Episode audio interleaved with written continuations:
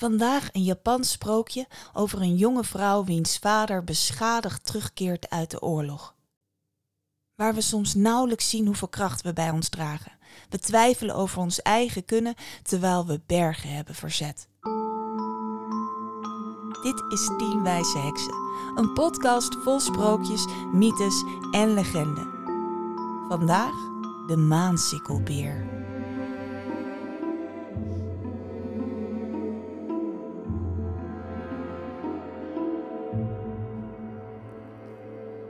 Er was eens een jonge vrouw wiens vader na vele jaren terugkeerde uit de oorlog. Alsof ze weer zes was, stond ze op de veranda op hem te wachten. Tien jaar lang had ze hem moeten missen. En toen hij eindelijk door de poort liep, rende ze op hem af en sloeg ze haar armen om zijn nek. Maar hij duwde haar ruw van zich af. En zonder om te kijken liep hij naar de schuur en sloot de deur achter zich. De jonge vrouw ging naar binnen. Ze maakte schotels met rijst, gebakken vis, zoete vruchten en stoofvlees. Ze liep naar de schuur en met een grote glimlach toonde ze al die heerlijke maaltijden. Maar haar vader sloeg de schalen uit haar armen, trok de deur weer dicht en sloot haar buiten. De vrouw haar hart brak. Haar vader, haar vader die haar in de lucht had gegooid, haar had laten dansen op zijn voeten, die leek verdwenen. Ten einde raad ging ze naar de wijze heks in het bos, die met haar kruiden leek te kunnen toveren. Vertel me, smeekte ze de wijze vrouw, er moet toch iets zijn dat mijn vader terug kan geven. Een medicijn dat hem zal doen vergeten wat hij heeft gezien in de oorlog. Die hem weer de vader zal maken die wentelteefjes voor me bakte op zaterdagochtend. De wijze heks fronste, dacht diep na, waarna ze zachtjes knikte met haar hoofd. Jawel, zei ze. Ja, zoiets bestaat wel. Zoiets valt te maken, maar alleen het zal niet makkelijk zijn. De jonge vrouw viel op haar knieën. Ah, toe, vertel het me, ik, ik doe alles. Goed, zei de wijze. Voor zo'n soort medicijn heb ik één haar nodig van de maansikkelvormige bef van de maansikkelbeer. Maar deze huist helemaal boven op de top van die hoge berg. De jonge vrouw twijfelde geen moment. Ze voelde geen onzekerheid, geen angst, alleen maar zekerheid dat dit iets was wat ze moest doen.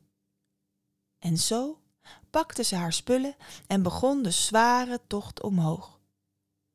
En al bij de eerste meters zong ze een lied. Een lied waarin ze de berg bedankte dat ze de berg beklimmen mocht. En terwijl ze doorklom naar boven, bleef ze zingen. Ook al bloedden haar voeten, ze bedankte de stenen dat ze haar voeten droegen. Verbrandde haar schouders, ze bedankte de zon dat die haar warmde. Reelde ze van de kou, bedankte ze de schaduw dat die haar koelte gaf. Raakte ze doorweekt door de regen, bedankte ze deze dat die haar dorst leste. Tot ze uiteindelijk bovenaan op de berg kwam en daar, verscholen achter een boom, zag ze de grote beer. Hij was indrukwekkend. Groot met een dikke zwarte vacht met in zijn hals een klein stukje wit in de vorm van een maansikkel. De jonge vrouw verschool zich in een kleine inkeping in een rots en wachtte rustig tot de beer terug zijn hol in zou gaan. Ze had honger maar ondanks dat ze twee grote zakken eten bij zich had, at ze niks. Ze wachtte. Ze wachtte tot de beer weg was en sloop toen naar de open plek boven op de berg en legde daar wat eten neer. Ze bewaarde een flinke afstand toen de beer naar buiten kwam, maar ze zorgde wel dat ze gezien werd. De beer zag het eten en nam het ervan. Toen hij verzadigd was, keerde hij terug naar zijn hol. De volgende dag herhaalde de jonge vrouw haar tactiek. Weer plaatste ze het eten en keek toe hoe de beer het eten naar binnen werkte. De dag daarna kwam ze een heel klein stukje dichterbij. De dag daarna weer een klein stukje. En zo duurde het twee weken voordat de vrouw nog maar enkele meters van de beer vandaan was. Haar hart klopte in haar borst toen ze van zo dichtbij toekeek hoe de beer het eten at. Daarna kwam de beer overeind en in plaats van terug te keren naar zijn hol, strekte hij zich lang en brulde hard richting de jonge vrouw. Ze voelde haar lichaam angstig trillen. Ben jij vandaag mijn toetje?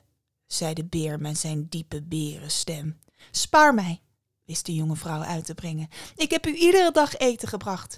mijn vader is ziek. Hij kan enkel genezen door middel van één haar uit uw witte bef.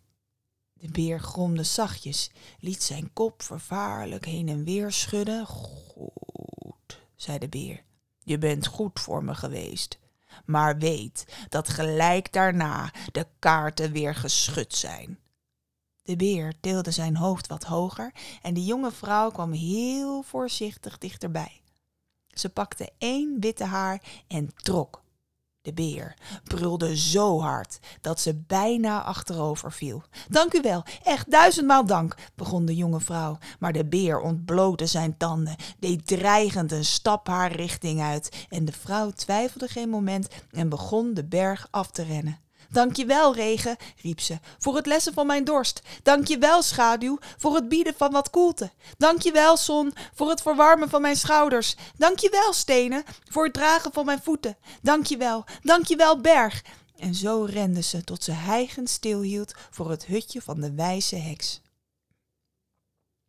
Kijk, oh, wijze vrouw, kijk wat ik heb, riep ze uit toen ze de hut binnenstapte, terwijl ze trots de witte haar boven haar hoofd hield, grijnzend van oor tot oor. De wijze vrouw liep op haar af, pakte de haar uit haar handen en bekeek hem eens goed. Ze rook er aan en knikte toen.